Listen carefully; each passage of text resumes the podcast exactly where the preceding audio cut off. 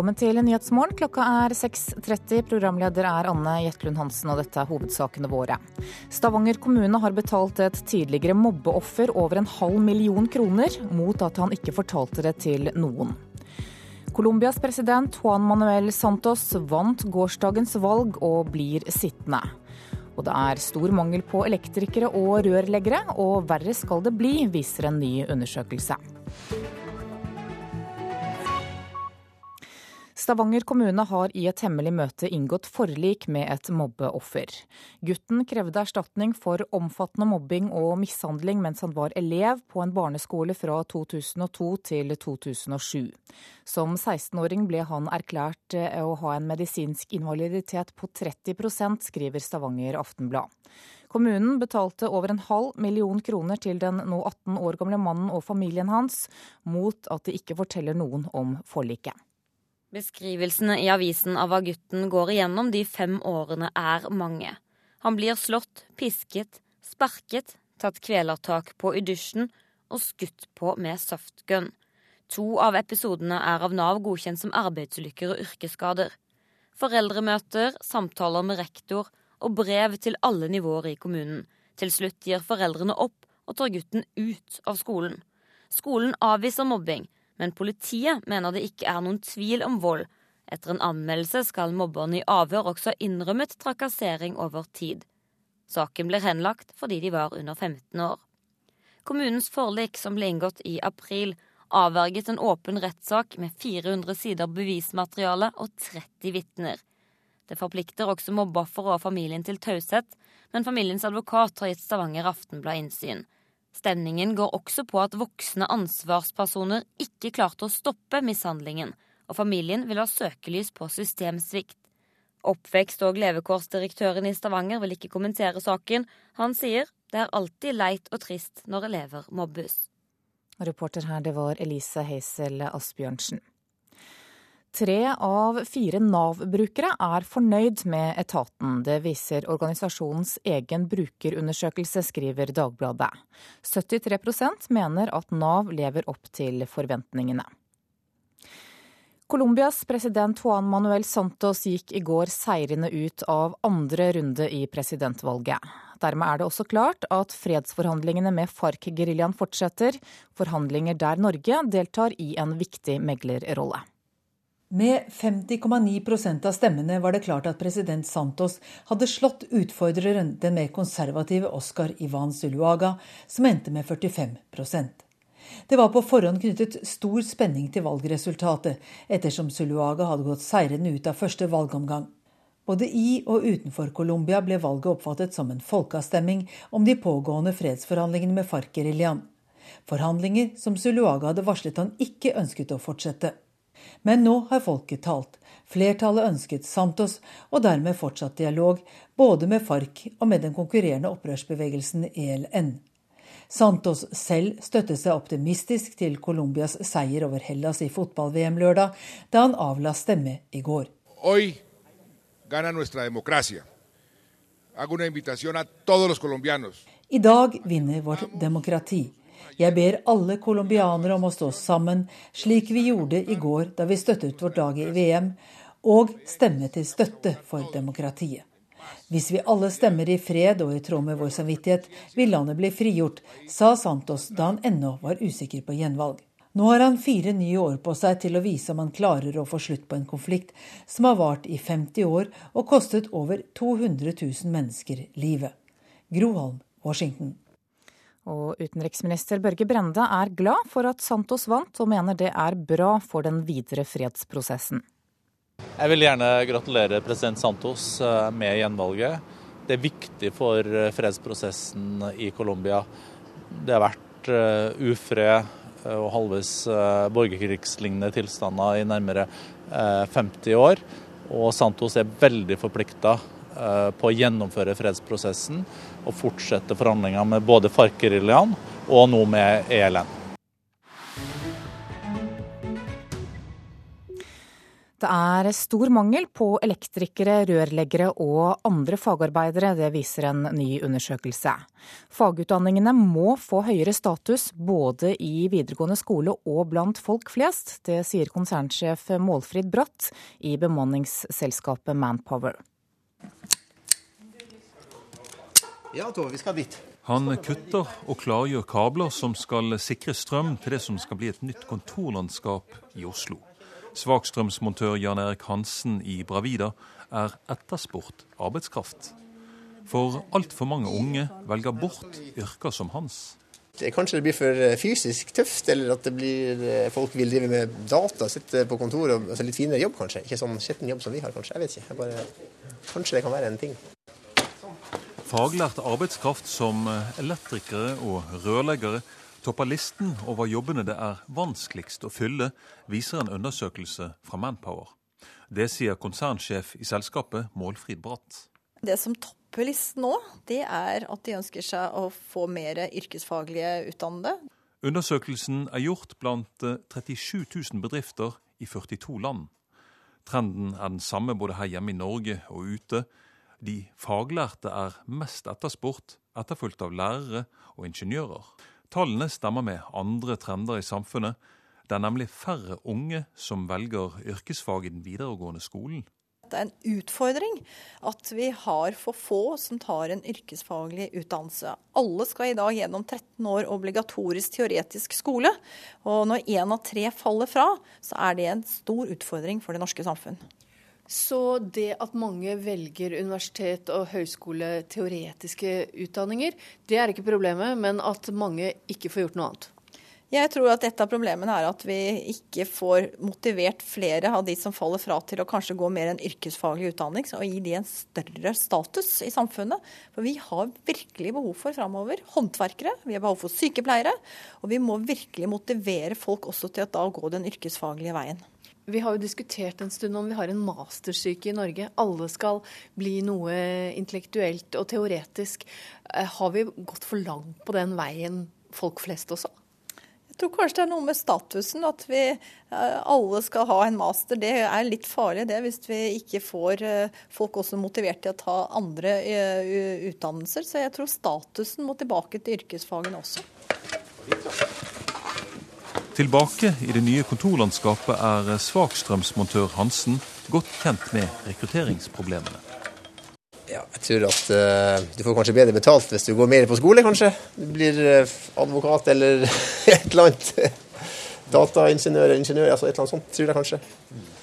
Men selvfølgelig hvis du liker Du må like det. Du må like, jeg liker jo faget. Altså, du må like det du driver med. Sikkert mange som tror at elektro høres fint ut, og så begynner de på en skole, og så Nei, det var kanskje ikke dumt likevel. Det var kanskje ikke noe vi likte. Det var kanskje bare for at jeg kom inn på den skolen.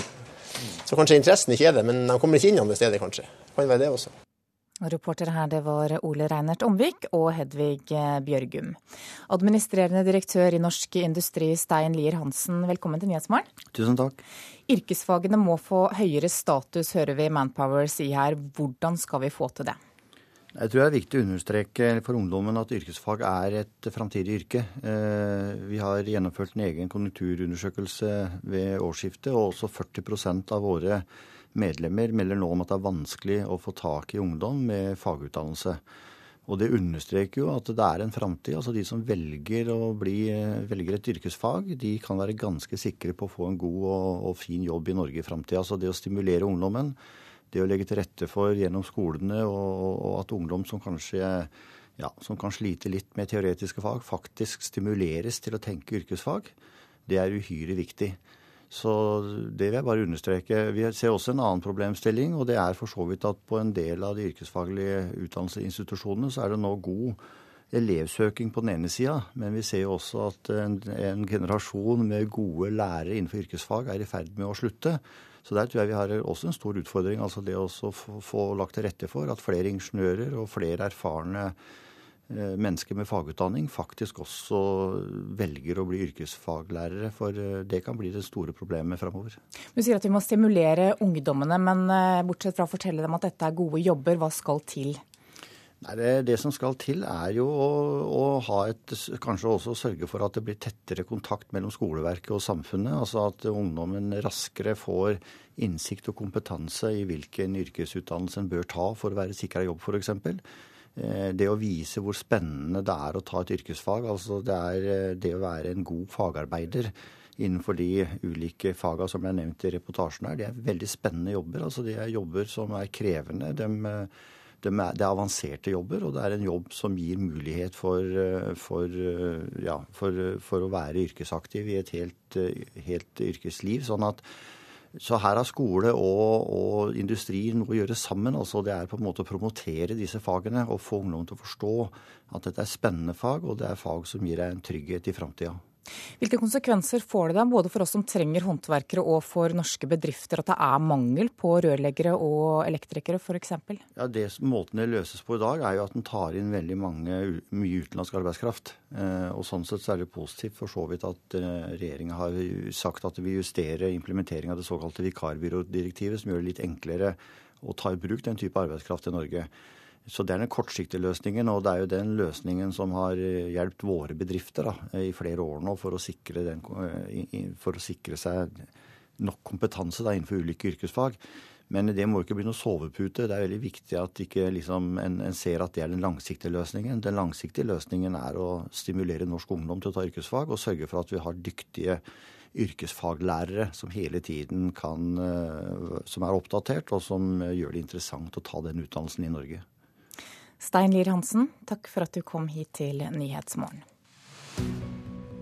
Da skal vi se hva avisene har på forsidene sine i dag. Aftenposten skriver at norske myndigheter velger bort skadde og syke når de skal ta imot nye kvoteflyktninger fra Syria. Årsaken er at justisministeren mener at, at norske kommuner mangler kapasitet. Kampene i Irak er tema på Dagsavisens forside i dag. Minst 2000 iranske soldater skal i løpet av helgen ha krysset grensen inn i Irak for å delta aktivt i kampene i nabolandet. Lederen for arbeidsgiverorganisasjonen Spekter vil bevise at legene svartmaler, det skriver Dagens Næringsliv.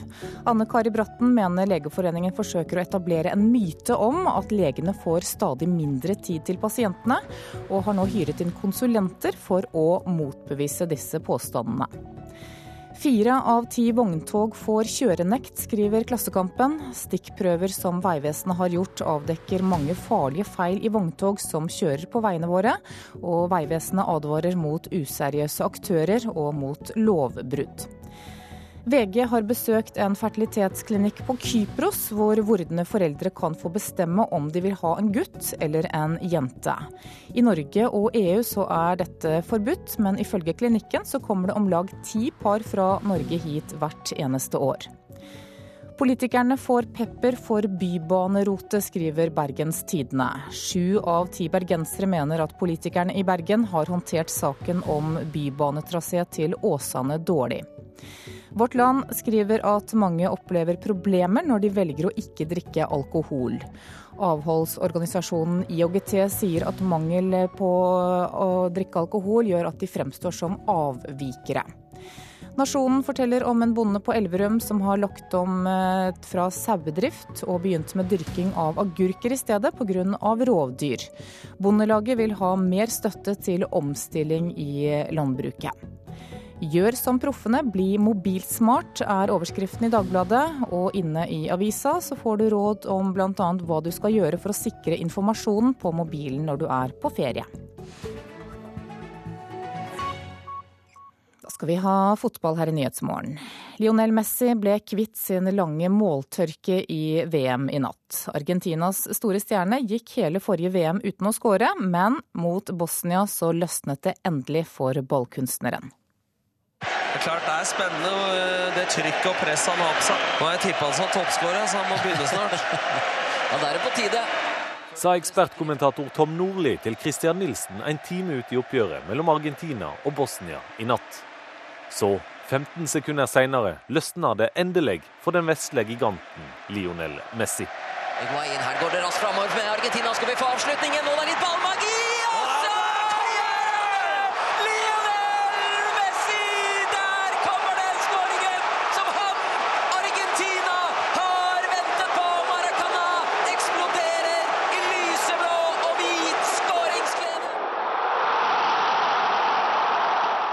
Maracana stadion rista etter at Messi hadde kombinert med lagkamerat Higuain og skåra dagens andre for Argentina i oppgjøret som til slutt enda med 2-1-triumf. Ifølge Messi, som liker å framstå uegoistisk, var det først og fremst deilig at laget kom seg helskinna gjennom åpningskampen i gruppa. Eh,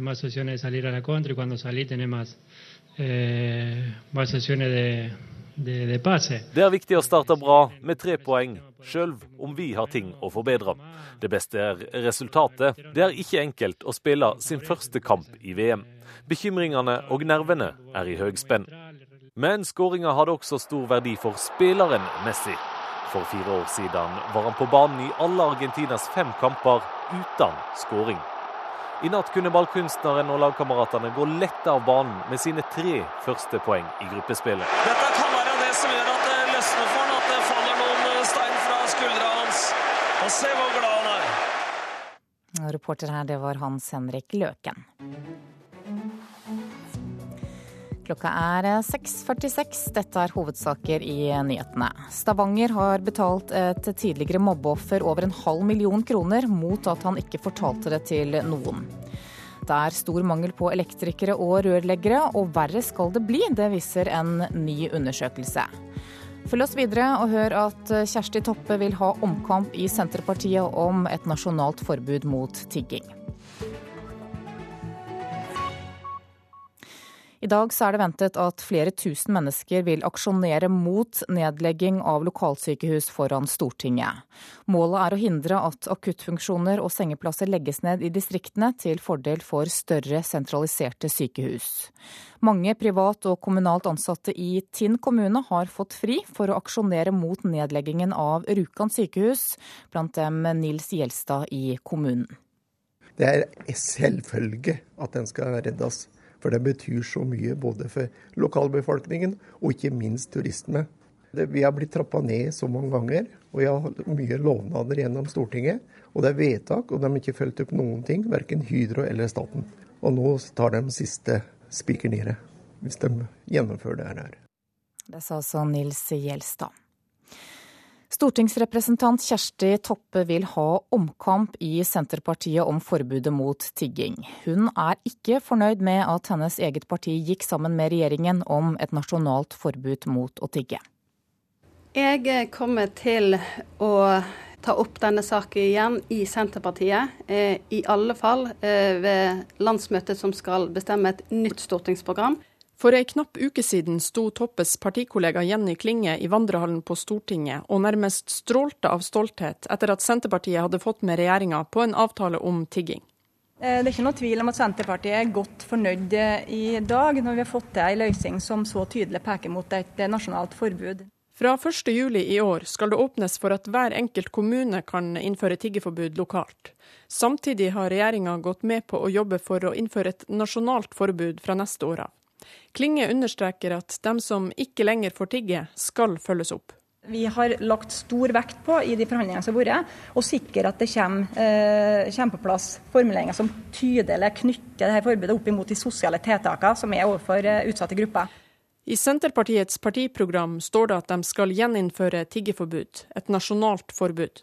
Men Toppe hører til dem i Senterpartiet som ikke liker dette punktet i programmet. Så Det sier nå seg sjøl at eh, når en i utgangspunktet ikke vil ha det, så er det jo eh, så er ikke det så kjekt å, å være vitne til at eh, vårt parti har vært en pådriver for det. Jeg, jeg ønsker ikke et tiggeforbud, men, men, det har vært en demokratisk prosess i Senterpartiet. Det må jeg bare respektere. Sånn, sånn er det. Flere av Senterpartiets stortingsrepresentanter deler Toppes syn, men skal altså fronte en politikk de er imot. Per Olaf Lundteigen er en av dem.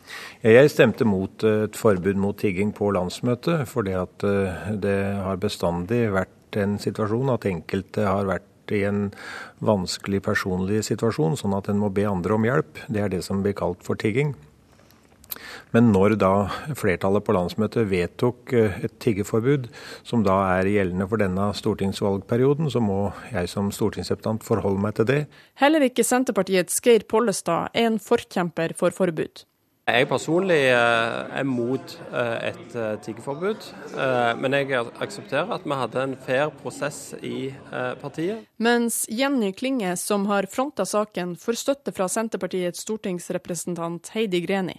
Vi som er for et tiggeforbud, har jo et program og et landsmøte i ryggen. og jeg er jo ikke så veldig bekvem med at vi skal ha omkamper mellom landsmøter, for å si det sånn. Men Toppe tror på en U-sving i eget parti. Jeg tror det er mange i Senterpartiet som eh, vil ta en sånn debatt eh, for å forsøke å få et eh, annet partisyn i denne saka. Jeg er rimelig sikker på at det her er et så stort og komplisert spørsmål at det kommer opp på nytt i landsmøtet vårt når det gjelder stortingsvalgprogrammet for neste stortingsperiode. Så jeg støtter hennes ønske om å ta det opp og, og forandre syn i partiet på dette punktet. Det sa til slutt Senterpartiets Per Olaf Lundteigen. Reporter her, det var Eva Marie Bulai. I dag fylles den største kinosalen i Grimstad kulturhus med barn, som skal på kortfilmfestivalen. I nesten 30 år har festivalen hatt et eget kortfilmprogram beregnet for barn, og inntrykket er at de som var på festivalen som barn, gjerne kommer tilbake når de blir eldre. Nei, ganske så mye annerledes. Gøy. Jeg har aldri sett noen av disse før, så det var litt spennende. Eh, en av de syns jeg var litt rar. Det, hun hadde tegna på dopapir. og så hadde hun laget en film ut av det. Det var litt morsomt. Eirin Handegards 'Må bare må' er én av ti kortfilmer som i år vises i et eget barneprogram på Kortfilmfestivalen i Grimstad. Den ett minutt lange animasjonsfilmen gjorde inntrykk på skolebarna i Grimstad, som fredag fikk en smakebit på hvordan det er å gå på kortfilmfestival. Jeg må ha litt god fantasi for å gjøre sånn. Nesten helt siden starten for 37 år siden har Kortfilmfestivalen hatt et eget kortfilmprogram beregna for barn. Det er jo kjempeviktig for barn å få sett og opplevd film i kino, og film som er tilrettelagt for dem. Eh, så det syns vi er en veldig viktig oppgave. Anita Svingen er daglig leder i Kortfilmfestivalen. Det er en fin introduksjon til eh, barn og barns kreativitet. Å få forklart hvordan, hvordan, man kan lage film på forskjellige måter, og hva, hva man ønsker å uttrykke. Eh, på en litt annen måte enn hvis man bare sitter og ser det uten å få ting forklart. Og det er jo selvfølgelig et mye større utvalg som vi kan se her, som er satt sammen med det formål. Så jeg tror de får mye ut av det. Er det sånn at, at noen ganger så ser man filmer man kanskje ikke skjønner, men som bare er veldig fine å se på. Jeg syns jeg skjønte denne ganske mye, men eh, Ingrid Dokka jobber i Norsk Filminstitutt og har siden slutten av 1990-tallet hatt ansvaret for å sette sammen et eget program for barn på kortfilmfestivalen. Eh, og det var, eh, vil jeg si, en ganske mektig opplevelse allerede fra første gang. Ungene må strekke seg litt, nettopp for at de skal få opplevelsen av å se noe annet enn kanskje det veldig snille og pedagogisk riktige som er på barne-TV, eller det veldig sånn underholdende som er på kino, hvor det er pakka litt sånn eh, inn, litt, hvor det tas hensyn til veldig mange ting. Mm. Og Har det vært noen av de her som var med fra starten av å være barn, og fikk være med og se Kortfilmfestivalen, som har kommet tilbake seinere, som du vet om? Ja, altså, her har vi ikke forska, da. Men, eh, men det vi veit, det er jo at det er det. Og at de ungene som har vært, som var og så filmer i flere år, vi vet jo at de fikk et helt annet forhold til festivalen her, og, og deltar ikke minst som frivillige. Eh, og, og, og har, har, fått en annen inngang enn kanskje et litt mer voksent lokalt publikum, da. Og kortfilmfestivalen i Grimstad avsluttes i morgen. Reporter her var Miriam Grov. Mange har sett minnesmerkene utenfor Tromsø og på Prostneset med davidsstjernen og 17 navn på. Men få kjenner historien til disse 17 tromsøværingene som var jøder som ble drept i konsentrasjonsleirer under andre verdenskrig. Den yngste av dem, Ruth Sakolsky, ble bare to år, og nå har forfatter Henrik Broberg samlet historiene i bokform. Der får vi bl.a. lese morens dagboknotater om den den lille datteren. Nå kan vennen min vise med skoene sine, likeså nesen sin, og ikke for å forglemme mamma si litte. Da smiler hun som ei sol og er så sjenert at Rebekka Sokolski var stolt mamma til lille Ruth. Som mødre flest noterte hun kjærlig ned små og store ting som dattera opplevde i sine første og eneste leveår i Tromsø. I 1943 døde begge, bare minutter etter at de og pappa og ektemann Selik Sakolski ankom den tyske konsentrasjonsleira. Danske Henrik Broberg hadde bodd i Tromsø i flere år og undra seg over hvem de var, de 17 navnene på minnesmerket på Prostneset. Men han fant ingen informasjon, og det ville han gjøre noe med. Det som inspirerte meg her, det var det at her var det en begrenset gruppe mennesker ut av de seks millioner som vi vet om fra den store historieskriving som gjelder hele verden. Ikke? Så kunne man altså her gå inn og konsentrere seg om et begrenset antall mennesker, og da gå i dybden. Da byen ble stille, er navnet som boka har fått. Da jødeforfølgelsen starta i Tromsø, mista familien hus, bøker, sengetøy, rett og slett alt de eide. Mange av de som kjøpte eiendelene til de jødiske familiene mens de sjøl var underveis til konsentrasjonsleirer, var nære naboer og venner. Andre tjente penger på å tømme eller vaske husene. Det var disse som skapte stillheten som boka har fått navnet etter. Uten å nødvendigvis støtte ideologien til tyskerne, bidro de likevel til å fullføre nazistene sin intensjon, sier Broberg. Og I forbindelse med den eh, kriminaliteten som ble begått, så var jo målet det var ikke bare å drepe og utslette mennesker, men det var også at minnet skulle forsvinne. Alt hva de eide, og alt som hadde med de å gjøre, historien som da er blitt tid i er ikke blitt snakket om i så mange år, den øh, vil jo med tid og stunder føre til ingen ville vite om at det noen gang hadde vært jøder i Tromsø. I arbeidet har Henrik Broberg gått gjennom 10 000 dokumenter og funnet frem til over 1500 bilder av de 17 som mista livene sine i konsentrasjonsleirer. En av de som er imponert over jobben som er gjort, er Frans Larsen. Han er halvbror til Jan Shotland, som er en av de som overlevde holocaust. Jeg syns det er helt fremragende. Han har jo gravd og gravd og gravd i, i, forskjellige arkiver. Og jeg ser jo også på det billedstoffet som han har gjort her. Og jeg kjenner jo også igjen noen av disse bildene som, som han har henta fra Jan Jan Schottland. Og han har gjort en fabelaktig jobb. Disse dagboknotatene ble lest av Karoline Rugeldal, og reporter her det var Marit Garfjell. Da skal vi se på et værvarsel som gjelder til midnatt. Fjellet i Sør-Norge kan vente seg nordlig bris. Frisk bris utsatte steder. Enkelte regnbyger i nordøstlige områder først på dagen, ellers opphold og perioder med sol. Østlandet nordlig bris, på kysten nordøstlig frisk bris. Etter hvert for det meste pent vær. Telemark og Agder på kysten fra Lindesnes til Onasira nordvestlig liten kuling. På kysten øst for Lindesnes nordøstlig liten kuling. Fra i ettermiddag skiftende bris, etter hvert for det meste pent vær. Vestlandet sør for Stad nordlig liten og til dels stiv kuling på kysten. Utrygt for lave tåkeskyer først på dagen, ellers pent vær. Møre og Romsdal nordlig bris, på kysten i sør nordøstlig frisk bris. Enkelte regnbyger, i ettermiddag etter hvert pent vær. Trøndelag nordvestlig bris, periodevis frisk. Regnbyger, i kveld etter hvert opphold først i sør. Nordland nordvestlig bris, liten kuling utsatte steder. I kveld minkende nord for Helgeland. Enkelte regnbyger, snøbyger i fjellet i nord.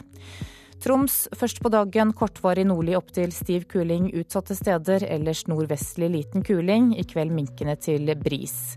Det er ventet regn og sluddbyger, snøbyger i høyere strøk. Finnmark skiftende vindforhold, av og til nordlig opp i liten kuling. I kveld minkende til bris i vest.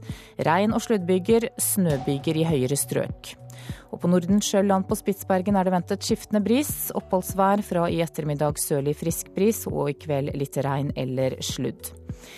Så tar vi med noen temperaturer som ble målt klokka fem. Da hadde Svalbard lufthavn to grader, Kirkenes og Vardø fire, Alta og Tromsø tre, Bodø fem, Brønnøysund åtte, Trondheim sju, Molde ni, Bergen ti, Stavanger, Kristiansand, Gardermoen og Lillehammer alle tolv.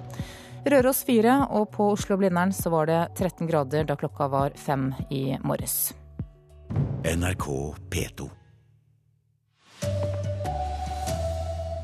Det er stor mangel på elektrikere, og verre skal det bli, syner undersøking.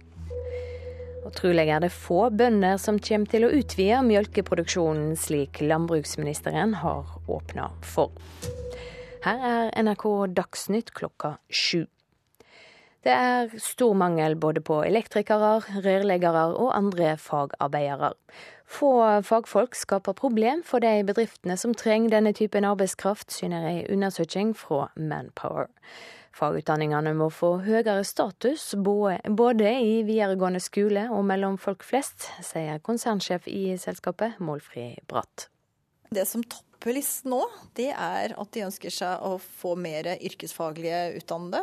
Undersøkelsen er gjort blant 37 eh, 000 bedrifter i 42 land. Trenden er den samme både her hjemme i Norge og ute. De faglærte er mest etterspurt, etterfulgt av lærere og ingeniører. Tallene stemmer med andre trender i samfunnet. Det er nemlig færre unge som velger yrkesfag i den videregående skolen. For Vi har virkelig behov for framover håndverkere, vi har behov for sykepleiere. Og vi må virkelig motivere folk også til å da gå den yrkesfaglige veien. Reporter Ole Reinet Omvik. Rusforskere mener hasj er overrepresentert ved drapssaker, og ikke er et ufarlig rusmiddel, slik mange tror. NRKs kartlegging av drap over en tiårsperiode syner at 29 mennesker er drepne av en gjerningsmann som var rusa på hasj, eller hasj i kombinasjon med andre rusmiddel. Professor Thomas Clausen ved Senter for rus- og avhengighetsforskning sier dette syner at en bør være varsom med å avdramatisere hvor farlig det er med hasj. Stavanger kommune har inngått et hemmelig forlik med en tidligere skoleelev etter grov mobbing. Det skriver Stavanger Aftenblad. 18-åringen krevde erstatning for omfattende mobbing og alvorlig mishandling på barneskolen. Mobbeofferet fikk 550 000 kroner fra kommunen. Det førte til at ei planlagt rettssak med 30 innkalte vitner ble stoppa. Svært få mjølkebønder kommer til å bygge ut drifta slik at de kan produsere 900 000 liter mjølk i året, slik landbruksminister Sylvi Listhaug har åpna for. Det sier forsker Agnar Hegrenes ved Norsk institutt for landbruksøkonomisk forskning. Han mener det vil koste mer enn det smaker å doble drifta, både i investeringer og arbeid. Jeg tipper det er få som vil komme de første åra vil komme opp mot det nye taket. Det store spørsmålet er vel om, eh, om totalproduksjonen går opp eller ned. Om det blir mange nok som utvider i forhold til de som slutter. NRK Dagsnytt, Silje Sande. Klokka er 7.03. Nyhetsmorgen fortsetter i P2 og Alltid nyheter med disse sakene. Hasj er ikke så ufarlig som mange tror, det mener flere rusforskere. 29 drap er begått i hasjrus i løpet av en tiårsperiode.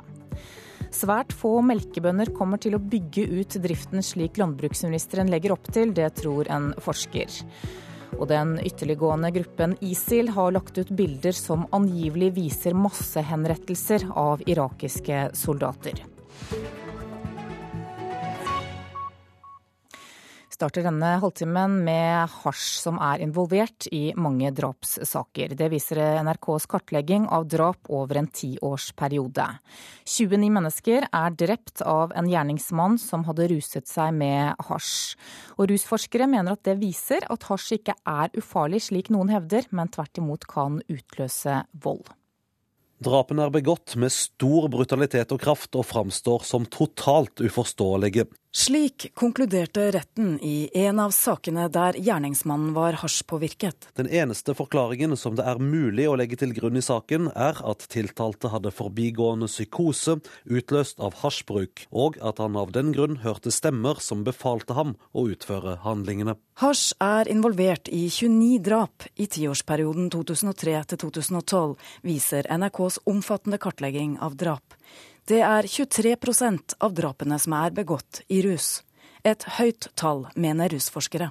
Det forteller eh, antagelig noe om at cannabis er et rusmiddel som er litt overrepresentert i vold- og drapsstatistikken i forhold til forbruk i befolkningen. Det sier professor Thomas Clausen på Senter for rus- og avhengighetsforskning, SERAF. Jeg syns denne statistikken viser at her bør vi virkelig være forsiktige med å avdramatisere farlighet rundt cannabis. Han anslår at mellom 5 og 10% av befolkningen bruker hasj jevnlig. Og rusforskerne mener at hasjen kan utløse vold. Det er en del sammenheng mellom cannabisbruk og ikke minst litt sånne brå, rare eh, voldshandlinger. Og det kan dels ha sammenheng med at det kan utløse psykosetilstander. Det sier professor Helge Wold hos Seraf. Det kan nok også utløse brå angsttilstander og andre brå, brå hendelser eller brå, brå ukontrollerte følelser. Debatten om legalisering av cannabis, som inkluderer både hasj og marihuana, har pågått lenge. Nylig tok Magnus Slagsvold Støre, sønnen til Arbeiderpartileder Jonas Gahr Støre, og Thorvald Stoltenberg til orde for en legalisering. Det fikk justisminister Anders Anundsen til å hisse seg opp i Dagsnytt 18s studio. Jeg blir rett og slett eh, jeg kan nesten forbanna. Man lager en sånn ufarliggjøring av narkotika som sådan. Det mener jeg det ikke er faglig grunnlag for. Rusforsker Willy Pedersen kom også på banen og hevdet at hasj er mindre farlig enn alkohol og tobakk. Ikke alle rusforskere er enige i det. NRKs tall med 29 drepte hvor hasj var involvert, derav ni drap med hasj som eneste rusmiddel, får Thomas Clausen hos Seraf til å konkludere slik. Det å si at cannabis er ufarlig, det vil jeg ikke være med på. Reportere her, det var Marit Higraf og Ellen Borge Christoffersen. Rusforsker og professor i sosiologi ved Universitetet i Oslo, Willy Pedersen, velkommen. Tusen takk. Står du fortsatt ved det at bruk av cannabis ikke er så farlig? Ja, altså Det har jeg aldri sagt. Det jeg har prøvd, er å lage en slags sammenligning med ting vi vet mer om, og som er bedre kjent i befolkningen, nemlig stoffet alkohol. Og jeg vil si at Denne veldig viktige serien dere presenterte i forrige uke, den viser jo med all tydelighet at alkohol er et meget farlig stoff i denne sammenhengen. Fire, tre av fire av de drapene som blir foretatt, blir foretatt i alkoholrus. Og så er det da sånn at uh, cannabis sannsynligvis, normalt i uh, samspill med andre rusmidler oftest, uh, fordi Tre av fire av de hvor cannabis var involvert, eh, var vel da i samspill med andre stoffer. I sånne situasjoner så kan nok cannabis også være uh, voldsutløsende. Og Det vi vet om det stoffet, det er at det normalt er et dempende, beroligende stoff. Men vi ser også at det i noen situasjoner vil kunne ha andre effekter. Og det som Helge Wold også var innom her, sånn, det er på en måte den andre siden ved cannabis. At den kan gi forvirring, i noen tilfeller hallusinasjoner, fordreide sanseinntrykk. Og vi kan tenke oss at det i noen situasjoner vil kunne eh, forløse voldssituasjoner. Og I ni av disse drapene så var det jo bare hasj som var rusmiddelet som var brukt av gjerningsperson. Ja, fordi det er det ene. altså at Det brukes da, det kan ha denne virkningen. Det brukes eh, ikke så sjelden i dag i en blandingsmisbrukssammenheng. Og i noen tilfeller så brukes det også av psykisk ustabile personer. Vi vet at folk med psykiatriske diagnoser, eh, særlig svært alvorlige og noen personlighetsforstyrrelser, eh, kan bruke dette stoffet oftere enn andre. Så jeg vil si at selv om vi må fastholde at alkohol er det store problemet i denne sammenhengen, så har vi et eget problem i blandingsmisbruk. Og i disse blandingsmisbruksformene så går ofte også eh, cannabis inn. Bør vi også være forsiktige da med å avdramatisere det å bruke hasj? Altså jeg vil si at uh, vi bør i hvert fall være klar over, og ikke minst så bør rusomsorgen og psykiatrien være klar over, at uh, cannabis brukt av bestemte ustabile personer kan være svært farlig. Og så vet vi jo ikke bestandig uh, om disse forvirringstilstandene, uroen, hvor du tolker situasjonen på feil måte, også kan ha, være noe som skjer hos andre personer. Men jeg vil også komme tilbake til at eh, når vi hører justisministeren tidligere her si at han blir forbanna når han hører folk snakker på en nyansert måte om, eh, om, cannabis, så er det jo klart at det programmet han har for fullstendig frislipp av alkohol, som han gikk ut med for et halvt år siden, det vil være forferdelig mye farligere, etter mitt skjønn, for eh, drapssituasjonen, for voldssituasjonen i Norge, enn eh, en annen måte, en mer regulert måte å omsette cannabis på, f.eks. Men vi bør ikke sette dette opp mot hverandre, da? Nei, det mener jeg ikke. Og spørsmålet er jo da hvor fokus bør ligge fremover. Så jeg mener at et eh, aktivt arbeid for å forhindre, for å, for å redusere bruken av både alkohol, eh, som i dag vi står eh, overfor en, en, mye mer ustabil situasjon for enn på cannabis, det, det bør være politikken fremover. Og særlig så bør jo da også i tillegg psykiatrien være oppmerksom på at utsatte personer kan eh, få et spesielt tilleggsproblem når de kombinerer forskjellige rusmidler, hvor cannabis også går inn. Willy Pedersen, tusen takk for at du kom hit til Nyhetsmorgen. Svært få melkebønder kommer til å bygge ut driften slik at de kan produsere 900 000 liter melk i året, slik landbruksministeren legger opp til. Det tror forsker Agnar Hegrenes ved Norsk institutt for landbruksøkonomisk forskning. I dag så kan et enkeltbruk maksimalt produsere i overkant av 400 000 liter. Det vil koste mer enn det smaker å doble driften, både i investeringer og arbeid, mener Hegrenes. Jeg tipper det er få som vil komme de første åra vil komme opp mot det nye taket. grind borti her, så vi går ut på beita her for å se om vi ser noen kur i dag. Vi er hos melkebonde Bjørn Aaby i Nannestad i Akershus. Det er et ganske stort område å går på her. Det er vel en 300-400 mål, tenker jeg. Aaby er blant rundt regnet 200 bønder her i landet som har full melkekvote. Det vil si at kyrne hans produserer 400 000 liter melk i året. Nå har landbruksministeren sagt at han kan øke til 900 000, men Aaby vil ikke ha noe Listhaug-fjøs med godt over 100 kyr. Han jobber 3000 timer i året. Han har ikke kapasitet, og det blir for dyrt. Det vil medføre så store investeringer og, og enda større arbeidspress, noe som vi ikke har kapasitet til. Hvis vi skulle gå for å øke kvota til til det dobbelte, så er det å bygge et nytt uh, mjølkekufjøs, og da snakker vi om investeringer på rundt 10 millioner. Jeg ønsker at bøndene skal få bestemme mer sjøl, og det får de nå. Så jeg håper at de som har lyst og kan, uh, satser og produserer mer. Det sier landbruks- og matminister Sylvi Listhaug. Det er ikke gjort noen beregninger for å finne ut hvor mange som nå ønsker å gå for full kvote. Men Listhaug vet at de er der ute, og at de kan bli flere etter hvert. Det jeg er opptatt av, er å legge til rette for at ungdommen nå som ønsker og skal overta, har muligheten til å satse i et langsiktig perspektiv, og større om de ønsker og kan det. Det er ca. 10 000 melkebruk igjen i Norge i dag. Hvert år forsvinner mellom 6 og 7% av dem. Under Listhaug kan det bli flere nedleggelser enn på lenge, tror forsker Agnar Hegrenes ved Norsk institutt for landbruksforskning. Det store spørsmålet er vel om, eh, om totalproduksjonen går opp eller ned. Om det blir mange nok som utvider i forhold til de som slutter. Her skal du få smake på egenprodusert eh, rabarbrasuppe. Ja. Nedkjølt. Kommer eh, ferdig laga, laga i går kveld. Hos melkebonden på Nannestad råder rene idyllen når vi snakker med han. Men det kan være på sin plass å sette av litt tid til en liten historie om det som kanskje oppleves som bondens største problem i dag, nemlig avstanden til folk flest. Jeg hadde besøk av noen sykepleiere, sier Aaby. Lurte som på eh, hvorfor det sto noen kuer på en vinge, da. Hvorfor ikke de var ute, de var sammen med andre. Og da sa jeg at nei, vi venter på dyrebilen, de skal slaktes i dag. Ja, det syns de var synd, da var pene kuer og Ja, sa jeg, det syns jeg òg, men eh, jeg har ikke greid å få kalv i dem, så de må slaktes. Ja, hvorfor det, mente hun. Det var jo litt underlig, det, da. Ja, men hun mjølker mjølkereike mer, sa jeg. Ja, men hun var jo ku, da kunne jeg vel mjølke. Og Da måtte jeg liksom spørre da hvor hun var i den livssyklusen sin, om hun hadde fått barn. Og ja, det hadde hun fått. Ja, jeg lurte på om hun amma fortsatt, da. Ungen var 16 år gammel. Nei, da lo hun. Det hadde jeg jo slutta med. Ja, da slutter jo kua å mjølke også, for jeg er akkurat med kuer som med folk. De mjølker, de må, vi må ha en kalv i kua hvert år for at den skal produsere mjølk. Og Greier vi ikke det, så blir det ikke mjølk. Ja, Det synes jeg var, var, leit å høre. Jeg trodde ikke det var, Når det har blitt ku, så trodde jeg det var ku og mjølka for å si ut sin levetid. Mm. Så, og lurte på hvorfor vi måtte ha kuene inne og mjølke. Det var jo så idyllisk. Vi hadde sett på TV at det var noen som mjølka ute òg. Og det, ja, sa jeg, det ser idyllisk ut, men det er ikke noe særlig fristende å bære inn 1000 liter mjølk om dagen. Jeg tror den blir av dårlig kvalitet òg.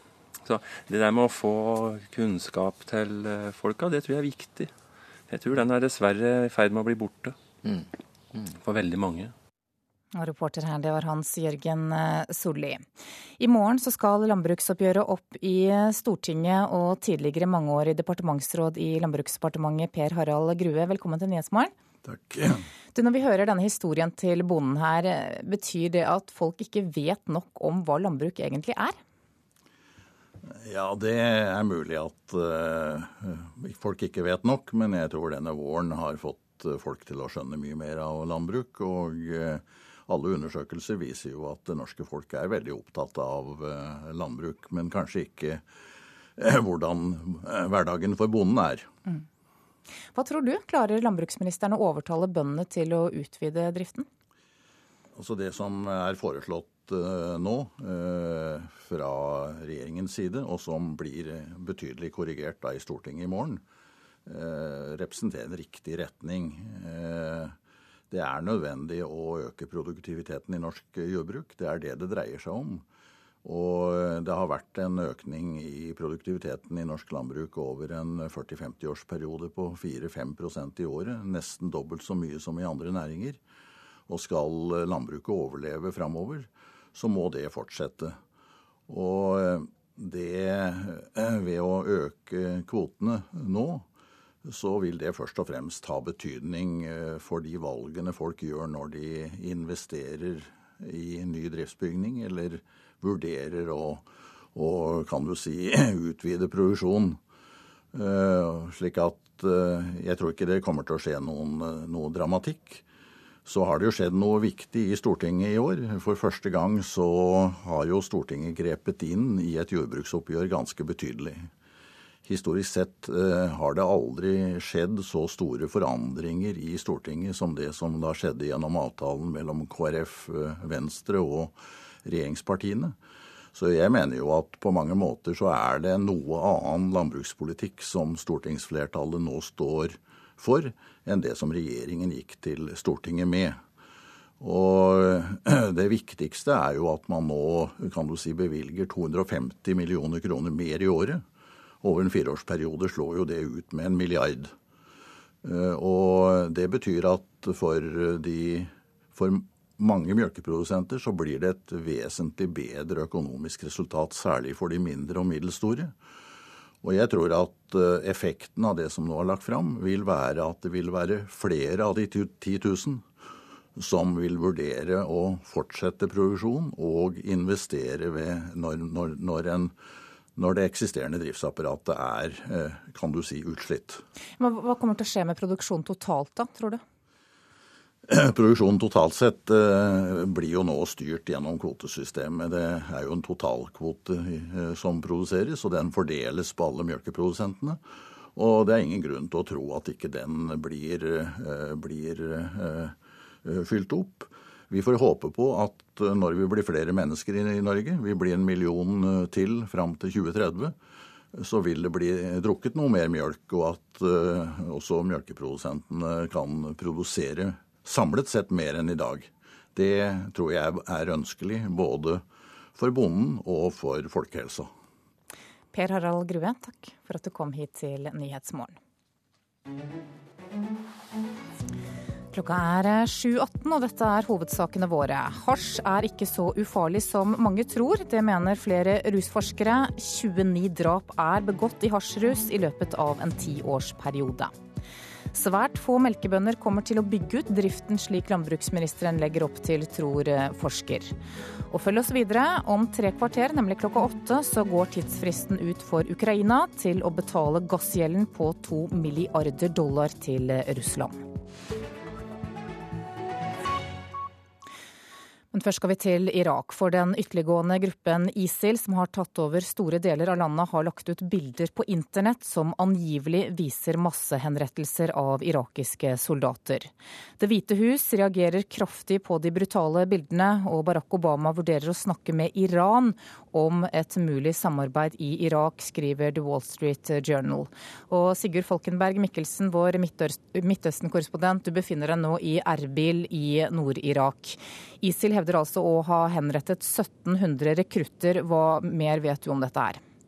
Dette skal ha skjedd eh, i Saladin-provinsen, eh, med Tikrit eh, som hovedstad. Dette er byen Saddam Hussein kom fra, og dette var en av byene ISIL tok over i denne lynoffensiven i forrige uke. Bildene som viser dette, har de selv lagt ut på nettet. Det har ikke vært noen mulighet for andre å, å dobbeltsjekke dette, men en irakisk talsmann for den irakiske militæret bekrefter at bildene er ekte. Eh, om det er så mange som 1700, eh, det er umulig å si. Det er ingenting av bildene som tyder på det. Men uansett veldig, veldig brutale bilder som absolutt preger måten dette snakkes om på Irak. Ja, hva er hensikten om å legge ut slike bilder på nettet? Det er to ting. Det ene er å provosere fram sinne i den sjiamuslimske befolkningen. Eh, dette dreier seg i stor grad om nå med en konflikt mellom sunni- og sjiamuslimer. Eh, og ISIL prøver jo absolutt å, gjøre, eh, gjøre, dette til en sånn type religiøs konflikt. Og vi ser at myndighetene prøver å, å roe det litt ned her. Så vi ser om de lykkes med det. Det andre er selvfølgelig at det skaper frykt i motstandernes rekker.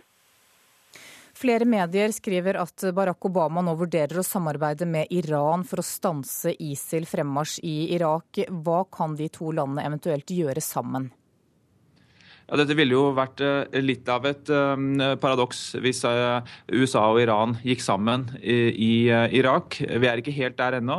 Men det vil jo da være eventuelt et etterretningssamarbeid. Eventuelt er det snakk om at amerikanerne kan gå inn med luftstyrker.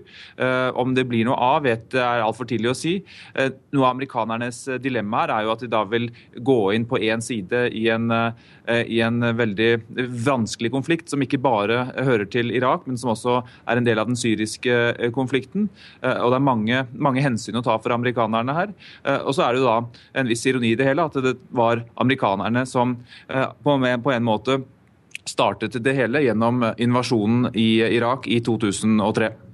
Kort til slutt, Du er i den kurdiske byen Erbil. Hvordan er situasjonen der nå?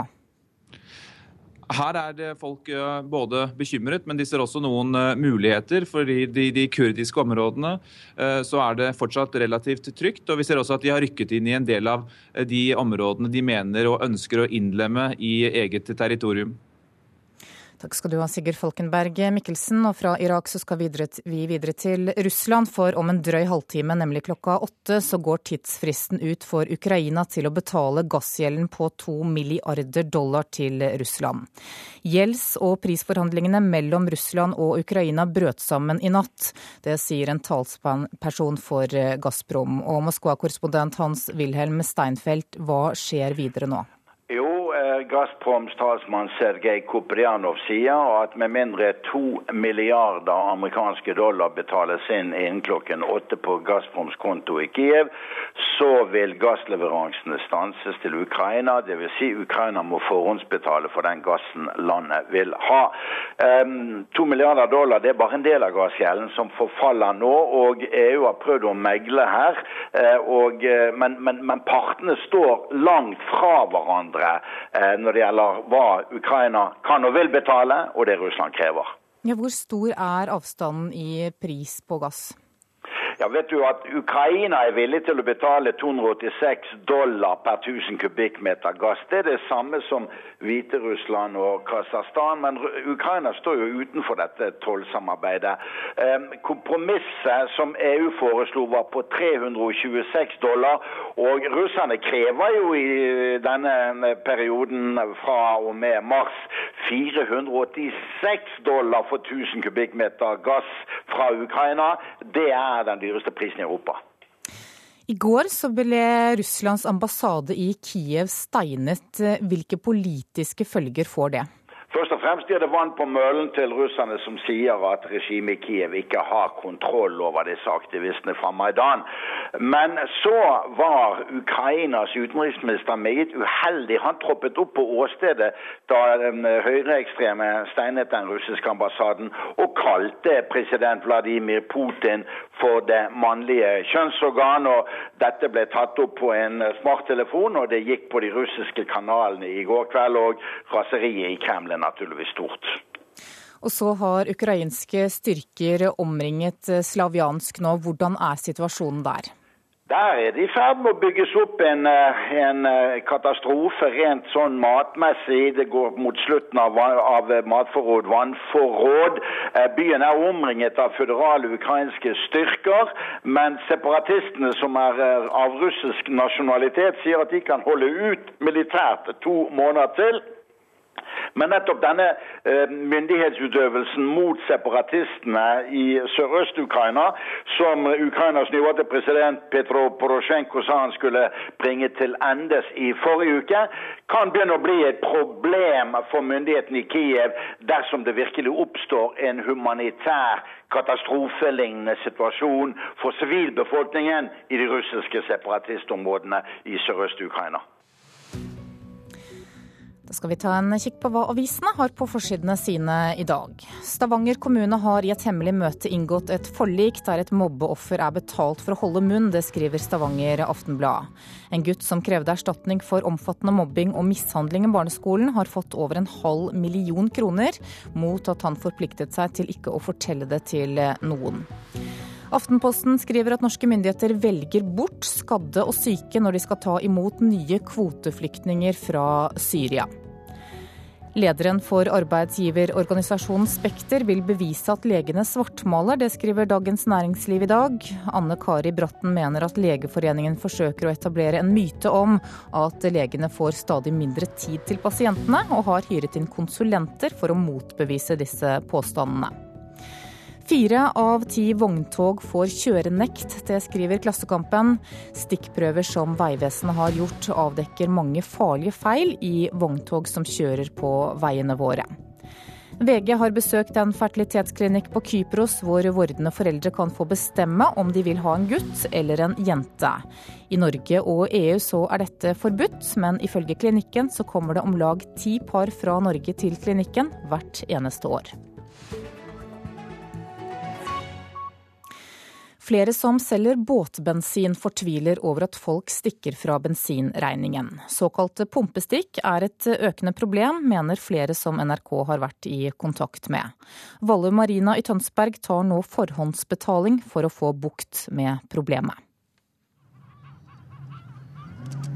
legge igjen 300 millioner her sånn i disposisjon. Hvis jeg, skal jeg visste ikke hvor mye jeg skal følge, jeg vet ikke hvor mye tanken tar.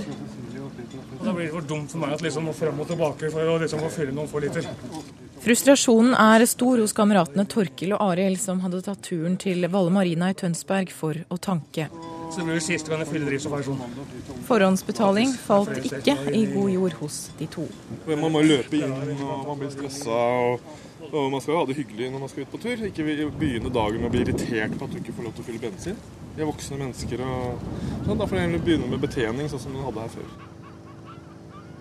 Jeg er fremdeles der at jeg syns jo ikke det er greit, men jeg må gjøre det. Vi driver en butikk, og vi er her for å tjene penger. Og, og når vi får avstikk, så koster det så mye at vi, er, vi føler oss tvinga til å gjøre det sånn. Det sier Marina Askeland, som jobber på Valle Marina i Tønsberg. Jeg syns det er veldig synd at en skal liksom se på alle som kjeltringer, for det, det tror jeg jo ikke noe på. Men noen er det, dessverre. Og de ødelegger så mye for alle.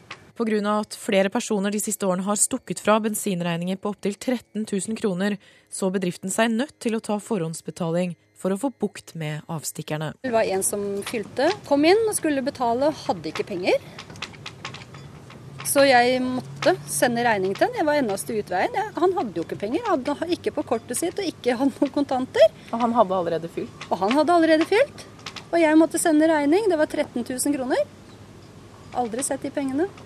Feil adresse, feil navn. Askeland sier hun er fortvilet over hvordan situasjonen har blitt. Hvis noen kommer inn i butikken min og stjeler én sjokolade, så må jeg selge fem stykker før jeg begynner å tjene på den igjen. Og da kan du tenke deg når de da stikker av fra 200 liter bensin. Og da snakker vi om store penger og mye penger. Vi har ikke råd til det, altså. Askeland sier mange er frustrerte over den nye ordningen. Båtmann Tom Swift forstår hvorfor marinaen har gått over til forhåndsbetaling. Det skjønner jeg veldig godt. og da, Nå ser jo kameraten min fyller, og det, han fyller jo med kort. Og Da, det, da får de ikke stikke. Så det syns jeg er en fornuftig sak. Det går jo på bekostning av oss andre som er ærlige. For pengene må jo komme inn, og de har jo utgifter, de som driver det. Så det syns jeg ikke er noe særlig. Den bør tas. Marina Askeland synes situasjonen er lite hyggelig, men marinaen på Valle er ikke alene om problemet. Også daglig leder ved Vrengen Maritime på Tjøme, Jørn Hennig, fortviler over frekke bensintyver. I løpet av en sesong så er det vel en 30 avstikk, da. Men når det er 4000 kroner per avstikk, avsikt, så begynner det å bli fryktelig mye penger. Hadde man basert driften på å drive bare salg av bensin og diesel, så kunne jeg lagt ned. Reporter her, det var Anne Melsom Bjerke. Produsent for Nyhetsmorgen i dag, det er Marit Selmer Nedrelid. Og her i studio, Anne Jetlund Hansen.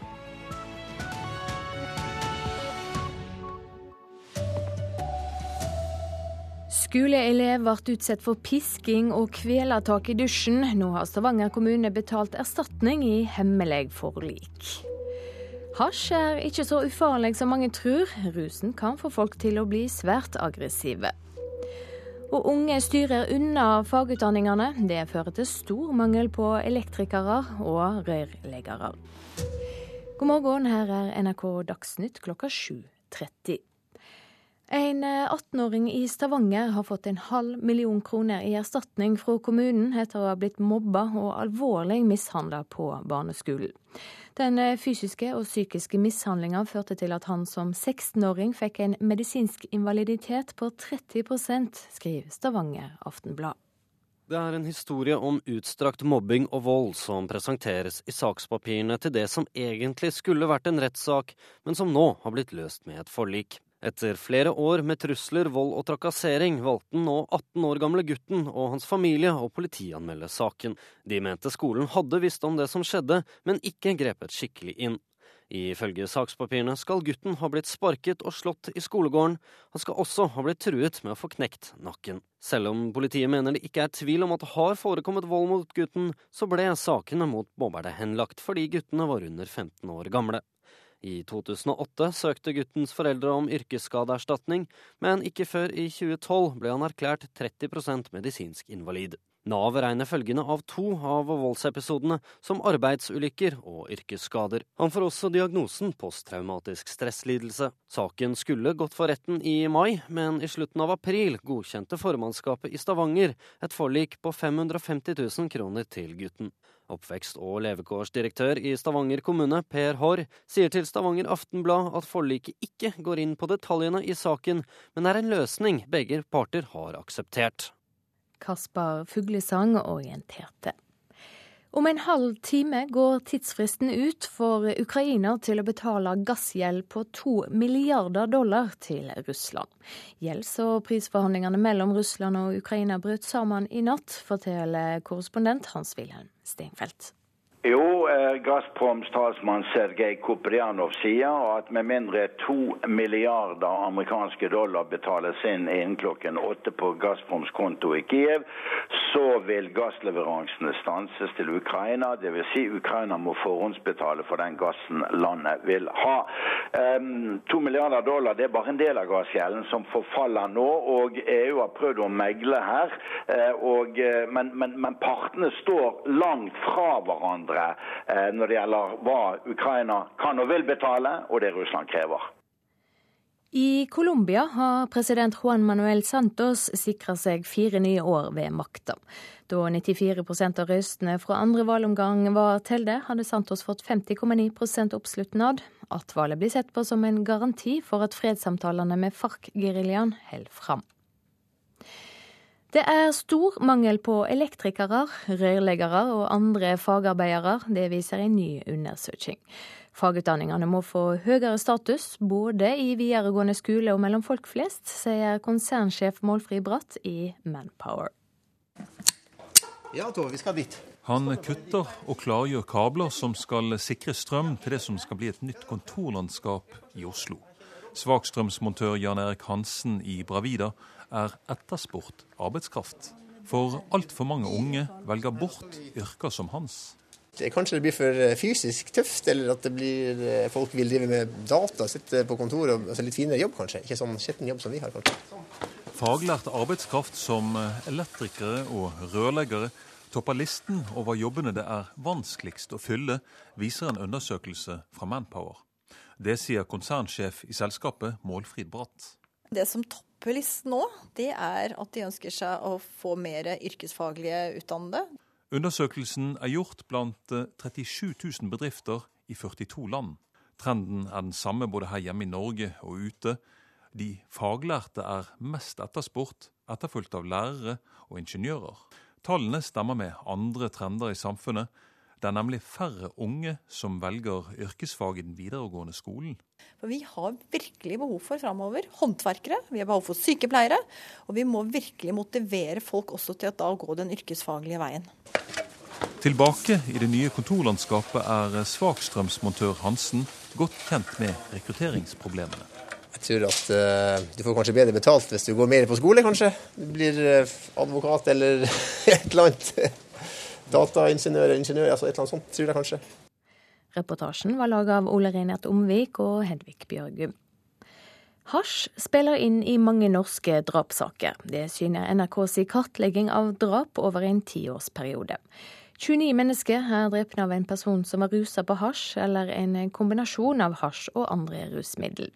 Rusforskere mener dette syner at hasj slett ikke er ufarlig, slik noen hevder, men tvert imot kan utløse vold. Drapene er begått med stor brutalitet og kraft, og framstår som totalt uforståelige. Slik konkluderte retten i en av sakene der gjerningsmannen var hasjpåvirket. Hasj er involvert i 29 drap i tiårsperioden 2003 til 2012, viser NRKs omfattende kartlegging av drap. Det er 23% av drapene som er begått i rus. Et høyt tall, mener rusforskere. Det forteller eh, antagelig noe om at cannabis er et rusmiddel som er litt overrepresentert i vold- og drapsstatistikken i forhold til forbruk i befolkningen. Det sier professor Thomas Clausen på Senter for rus- og avhengighetsforskning, SERAF. Jeg syns denne statistikken viser at her bør vi virkelig være eh, forsiktige med eh, å avdramatisere farlighet rundt cannabis. Han anslår at mellom 5 og 10% av befolkningen bruker hasj jevnlig. Og rusforskerne mener at hasjen kan utløse vold. Det er en del sammenheng mellom cannabisbruk og ikke minst litt sånne brå, rare eh, voldshandlinger. Det sier professor Helge Wold hos Seraf. NRKs tall med 29 drepte hvor hasj var involvert, derav ni drap med hasj som eneste rusmiddel, får Thomas Clausen hos Seraf til å konkludere slik. Det å si at cannabis er ufarlig, det vil jeg ikke være med på. Reportasjen var laga av Marit Higraff og Ellen Borge Christoffersen. Svært få mjølkebønder kommer til å bygge ut drifta, slik at de kan produsere 900 000 liter mjølk i året, slik landbruksminister Sylvi Listhaug legger opp til. Det tror forsker Agna Hegrenes ved Norsk institutt for landbruksøkonomisk forskning. I dag kan et enkeltbruk maksimalt produsere i overkant av 400 000 liter. Det vil koste mer enn det smaker å doble drifta, både i investeringer og arbeid, mener Hegrenes jeg tipper det er få som vil komme de første åra vil komme opp mot det nye taket. Jeg ønsker at bøndene skal få bestemme mer sjøl, og det får de nå. Det sier landbruks- og matminister Sylvi Listhaug. Men så er det opp til driftige og flinke bønder som er selvstendig næringsdrivende, å bestemme hvorvidt en eh, ønsker og kan drive større enn i dag. Det er ca. 10 000 melkebruk igjen i Norge i dag. Hvert år forsvinner mellom 6 og 7% av dem. Hegrenes frykter flere nedleggelser i tiden som kommer. Tendensen går nå i retning av færre og større bruk. Det store spørsmålet er vel om, eh, om totalproduksjonen går opp eller ned. Om det blir mange nok som utvider i forhold til de som slutter. Reporter Hans Jørgen Solli. Så fotball. Lionel Messi kom ut av den lange måltørken sin i VM i natt. Argentinas store stjerne gikk hele forrige VM uten å skåre, men mot Bosnia løsna det endelig for ballkunstneren. her går det raskt framover, med Argentina skal vi få avslutningen. Nå er det litt ballmagi!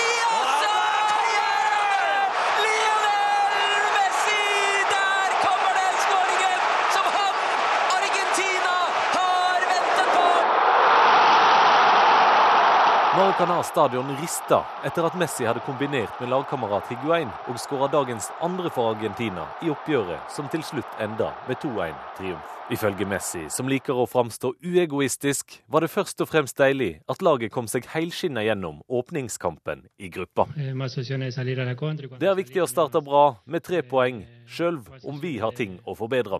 Det beste er resultatet. Det er ikke enkelt å spille sin første kamp i VM. Bekymringene og nervene er i høgspenn. Men skåringa hadde også stor verdi for spilleren Messi. For fire år siden var han på banen i alle Argentinas fem kamper uten skåring. I natt kunne ballkunstneren og lagkameratene gå lett av banen med sine tre første poeng i gruppespillet. Dette kan være det som gjør at det løsner for ham, at det faller noen stein fra skuldra hans. Og se hvor glad han er. Reporter Hans Henrik Løken. Ansvarlig for denne sendinga Sven Gullvåg, teknisk ansvarlig Hanne Lunås. Her i studio Silje Sande.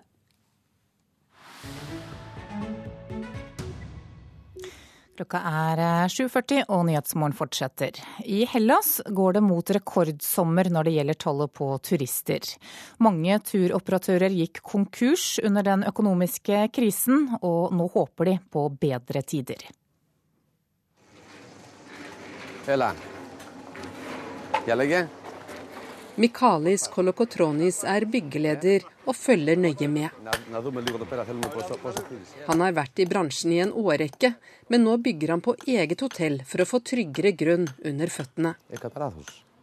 Det var egentlig en feiltagelse at jeg havnet her. Jeg ante ikke at hotell- og turistbransjen var så bra, sier han.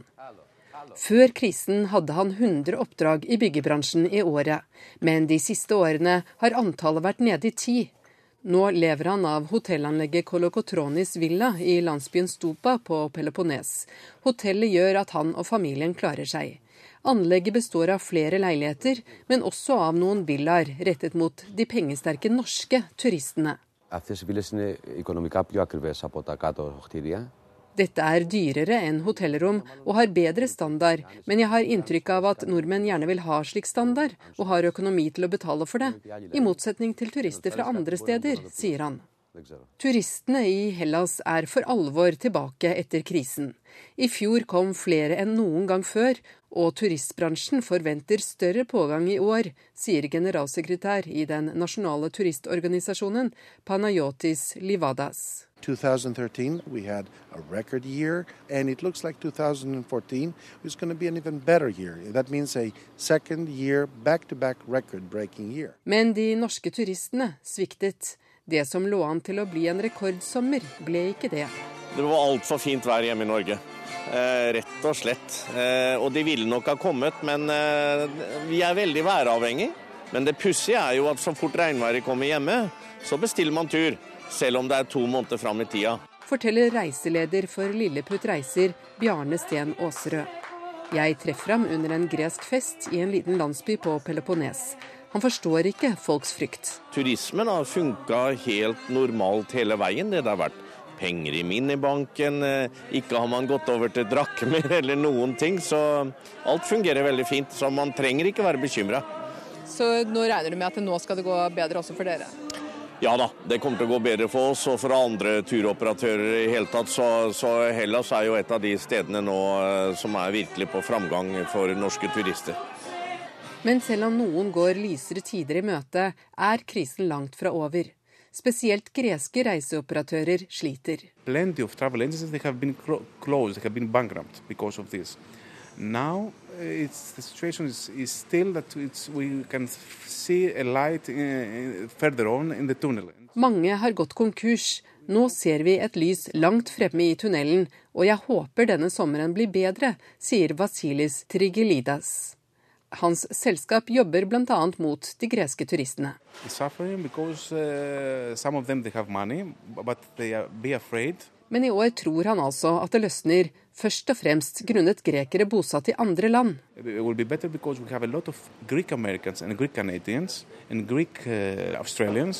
We have uh, information that uh, all the planes, especially from Australia, they are full. Men hotelleier Mikalis Kolokotronis er klar til å ta imot norske turister. Jeg er optimist og sikker på at det går bra, sier han. Men helt sikker kan han likevel ikke være. Det er det samme hvert år. Hvis det er bra vær i Norge, så kommer ikke nordmenn. Da blir de hjemme. Åse Marit Befring, Peloponnes, Hellas. Du lytter til Nyhetsmorgen nå. Klokka er 7.44 og dette er våre hovedsaker. Hasj er ikke så ufarlig som mange tror, det mener flere rusforskere. 29 drap er begått i hasjrus i løpet av en tiårsperiode.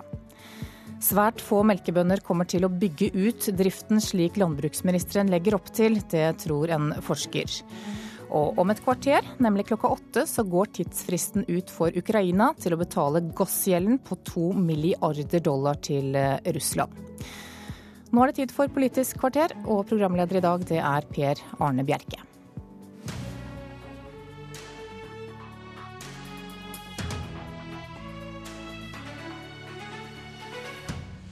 Vil fritt behandlingsvalg føre til kortere ventetid for pasientene, eller er det de private klinikkene som har størst grunn til å juble over regjeringens forslag? Det er klart for politisk toppmøte mellom statsministerkandidat Jonas Gahr Støre og statsminister Erna Solberg. Velkommen til ditt første politisk kvarter som partileder, Jonas Gahr Støre. Tusen takk. I går ettermiddag kom regjeringens forslag om fritt behandlingsvalg. Ordningen skal settes gradvis ut i livet fra 2015. Dere frykter at kommersielle private klinikker skal ta penger fra de offentlige sykehusene. Men er det ikke mye viktigere at pasientene får et tilbud om behandling, enn hvor de blir behandlet? Det viktigste er å få godt tilbud til pasientene for hele spekteret av de sykdommene folk kan ha som trenger behandling. Eh, nå la de regjeringen fram flere ting i det i går. Vi kan komme inn på flere av de delene. Eh, men vi er mest opptatt av at vi bruker ressursene, og det er pengene, utstyret og folk, der hvor vi gir best behandling til alle på et likeverdig grunnlag. Det som ble lagt fram i går om fritt behandlingsvalg, er jo noe veldig annet enn det disse partiene lovet i valgkampen.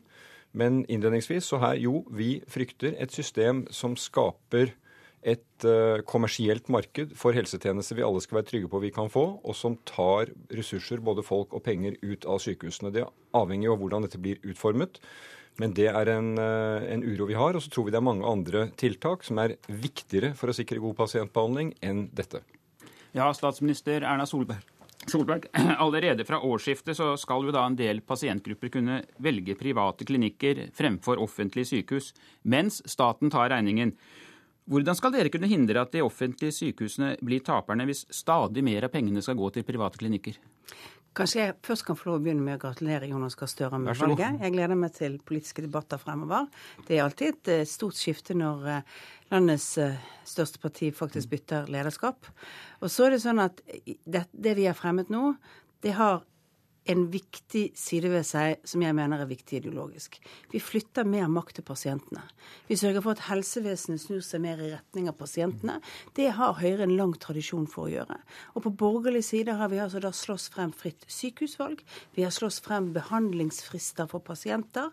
Og vi har slåss frem at ruspasientene i Norge skulle få lov å bli pasienter med rettigheter istedenfor å være brukere og grupper som ikke hadde pasientrettigheter. Dette er et nytt trinn i akkurat det samme. Du flytter makten mer over til pasientene. Det, det, viktigste grepet vi gjør, er jo å løfte, ta vekk aktivitetstaket i offentlige sykehus. Det er det som kommer til å gi mest kapasitet og flere behandlinger. Og så kommer det til å bli mulig å velge annerledes og velge et privat tilbud til en helt kontrollert pris, og det kommer til å få køene ja. Men er du sikker på at dette ikke vil tappe de offentlige sykehusene for ressurser, slik Arbeiderpartiet og flere andre opposisjonspartier var inne på i går ettermiddag? Jeg tror at de offentlige sykehusene kommer fortsatt til å være det absolutt største delen av norsk helsevesen, fordi at mesteparten av aktiviteten kommer til å ligge ligge der. Men jeg tror at det er én ting som er viktig det er at vi faktisk får ned køene. Vi får ned tiden folk står i kø. Folk står altfor lenge i kø, og samtidig har vi kapasitet. Vi har kapasitet til å behandle flere i det offentlige. Derfor løfter vi dette aktivitetstaket. Og så har vi kapasitet i det private til å ta unna langt flere til behandling. Vi ser f.eks. innenfor rusomsorgen, som er noe av de områdene vi begynner med. Der har det vært nedlagt kapasitet som har vært god og kvalitativt god, samtidig som det har vært lange køer i de ja. siste årene. Ja, Støre, dere har altså sittet og styrt i åtte år. og vi har jo da lange køer foran en del operasjoner. og Er ikke nå på tide å prøve noe nytt, slik regjeringen foreslo i går kveld? Det er hele tiden på tide å prøve noe nytt, men la oss nå ta helheten i dette. Vi er veldig for å utnytte kapasitet, men vi er imot at kommersielle aktører kan komme med et tilbud som sier at her er en kapasitet, hvor vi altså må flytte ressurser fra et offentlig helsevesen over til kommersielle aktører. Eh, jeg sa i går på lørdag da jeg ble valgt som leder i Arbeiderpartiet, jeg skal si ja når jeg er for, og når regjeringen gjør noe riktig. Og La meg begynne med å si dette aktivitetstaket i sykehusene. Det ble innført i 2004, da sykehusene var i et økonomisk kaos. Og det var i den regjeringen eh, Erna Solberg satt i. Da vi overtok, så tok det noen år for å få sykehusene i balanse igjen. Og på slutten av vår periode så ble det lettet på det taket. Og det at regjeringen fjerner nå, det, det, det kan jeg nikke til. Men det forutsetter selvfølgelig veldig god styring, så ikke man igjen mister den økonomiske kontrollen. Det er del én. Så vil den kjøpe mer eh, tjenester på anbud. Det gjør sykehusene allerede i dag. Eh, der vil jeg bare være veldig nøye på at eh, regjeringen følger med på at det er offentlig kontroll med hva som kjøpes. For det er noen veldig fine balanser her. Jeg ser i Aftenposten i dag at eh, fagdirektøren på sykehuset i Stavanger, og jeg har vært og besøkt dem, han frykter for at denne utviklingen kan føre til at de mister helt kritisk nøkkelpersonell over til kommersielle aktører, og da kollapser et offentlig tilbud. Og det tredje, det frie behandlingsvalget. Altså, Intensjonen høres bra ut, men det er komplikasjoner ved dette som statsministeren legger for lite vekt på.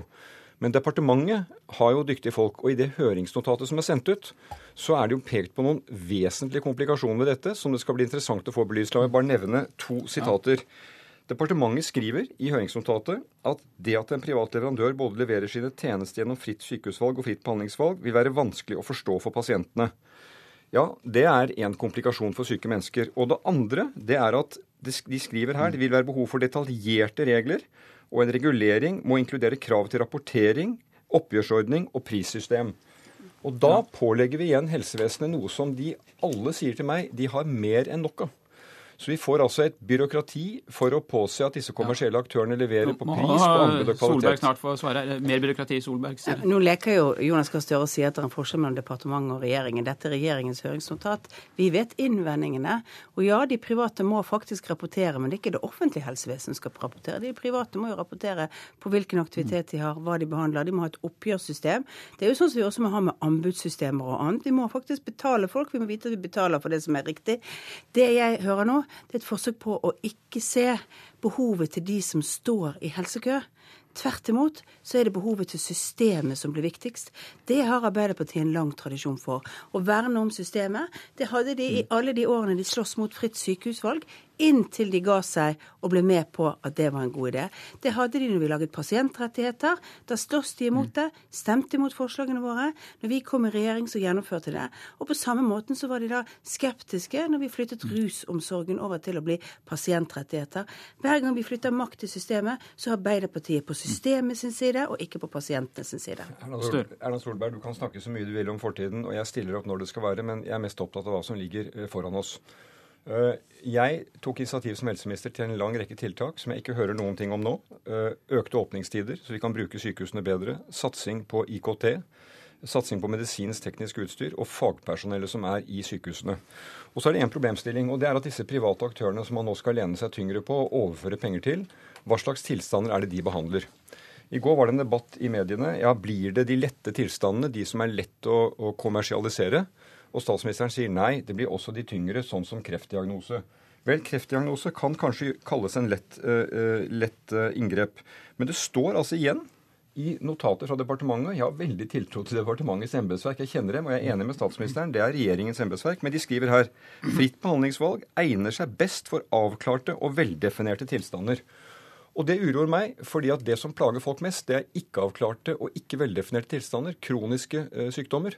Eh, og her har vi da spiren til det som kommer til å bli et kommersielt ja. tilbud der ute for knær og hofter og ting som vi kan telle lett og sette pris på, men ikke de vanskelige tilstandene. La meg bruke et eksempel på hvor det faktisk kan virke. I mange år har jeg faktisk gått ganske aktivt inn for å jobbe med tilbudet for jenter med tunge spiseforstyrrelser. En stor, stor, tung psykisk lidelse i Norge, hvor altså jenter dør pga. et for dårlig behandlingstilbud.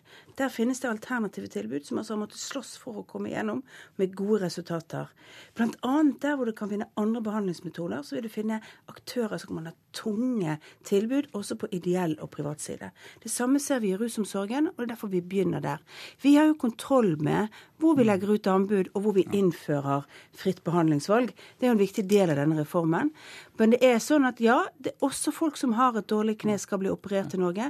Det er ingen poeng at de skal stå lenge i kø bare fordi man skal forsvare systemet. Men jeg tror jo at nettopp på mange av de tunge, vanskelige sakene så kommer vi til å kunne få et bredere og bedre tilbud og gi flere et behandlingstilbud. Ok, Da skal vi ta et raskt temaskift her. Eh, Jonas Gahr Støre, for to dager siden ble du valgt til eh, partileder og sa at valget skal vinnes på bl.a. klimapolitikken. Hvilke konkrete endringer ønsker du å gjennomføre i forhold til den klimapolitikken dere har sittet og ført i åtte år? For det første er jeg veldig stolt av den politikken vi har ført på klima, fordi vi har fått til store kutt, vi har fått til ny teknologi, vi har gått i front bl.a. på den store regnskogsatsingen som Jens Stoltenberg satte en ny standard for.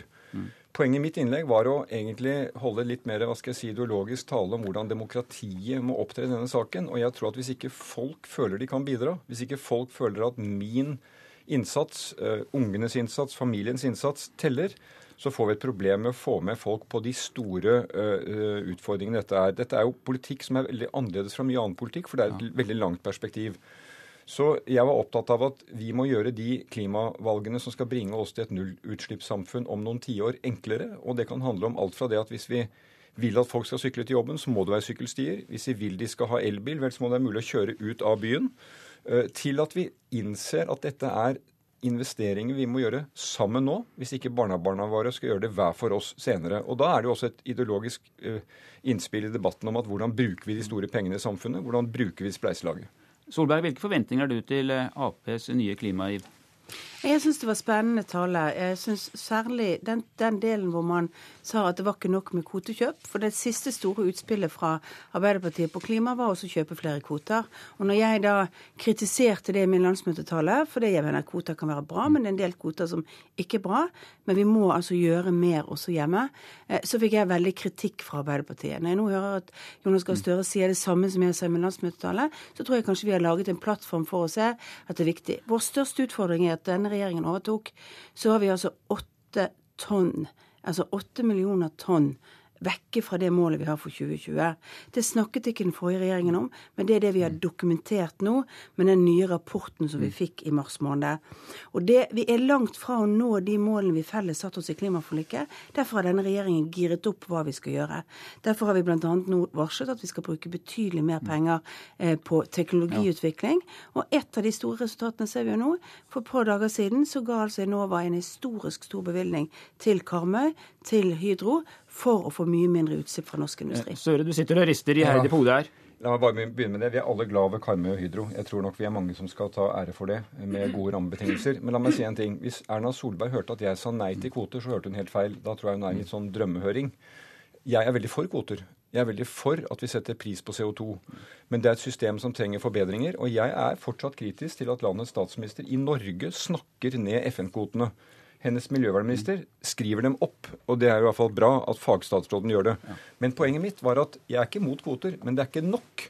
Og dette med kvoter er jo et stort internasjonalt komplisert øh, system. Og mitt poeng var å si at når folk sitter rundt familiebordet hjemme og diskuterer hvordan kan vi bidra, så kan ikke svaret vårt bare være vi skal kjøpe kvoter.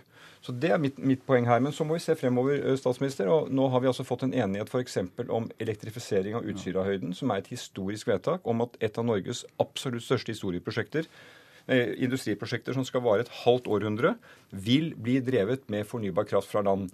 Det er en historisk beslutning som kommer til å gjøre at vi vil nå våre mål i Norge bedre, og det gir oss større ja. troverdighet. Men la oss holde oss dette med oljen. Erna Solberg, Er det mulig å få ned utslippene her hjemme uten å sette mye strengere krav til oljeindustrien, slik vi så på Utsira?